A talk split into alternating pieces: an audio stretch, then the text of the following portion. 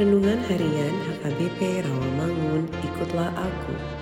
Rabu 6 Desember 2023 Dengan judul Kebahagiaan mendengar firman Allah. Bacaan kita pagi ini tertulis dari Yesaya 62 ayat 6 sampai 12 Bacaan kita malam ini tertulis dari Matius 25 ayat 31 sampai 34. Dan kebenaran firman Tuhan yang menjadi ayat renungan kita hari ini terambil dari Lukas 11 ayat 28 yang berbunyi Tetapi ia berkata, yang berbahagia ialah mereka yang mendengarkan firman Allah dan memeliharanya. Demikianlah firman Tuhan. Sahabat, ikutlah aku yang dikasihi Tuhan Yesus.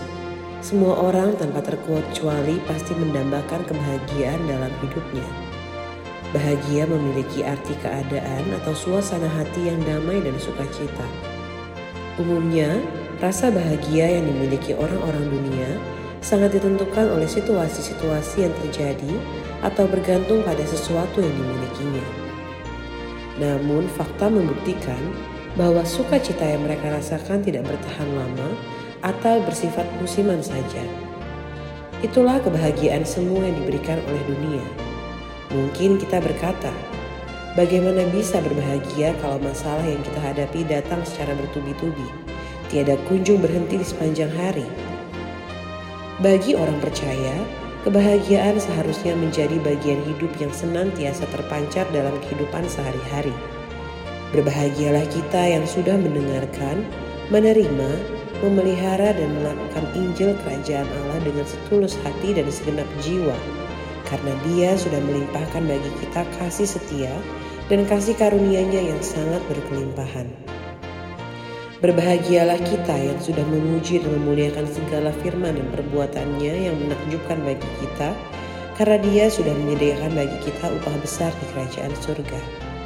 Berbahagialah kita yang sudah dengan setulus hati dan segenap jiwa beribadah, berdoa, bersyukur, menyembah, memberi persembahan dan melayani Dia Yesus Kristus.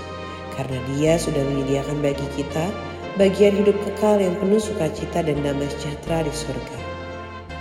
Karena itu, setialah mendengar dan melakukan kebenaran firman Tuhan di sepanjang hidup kita, karena itulah kebahagiaan sejati.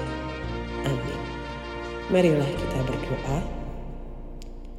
Ya Tuhan, jadikanlah kami sebagai pelaku firman Tuhan, supaya kami menikmati kebahagiaan yang sejati. Amin.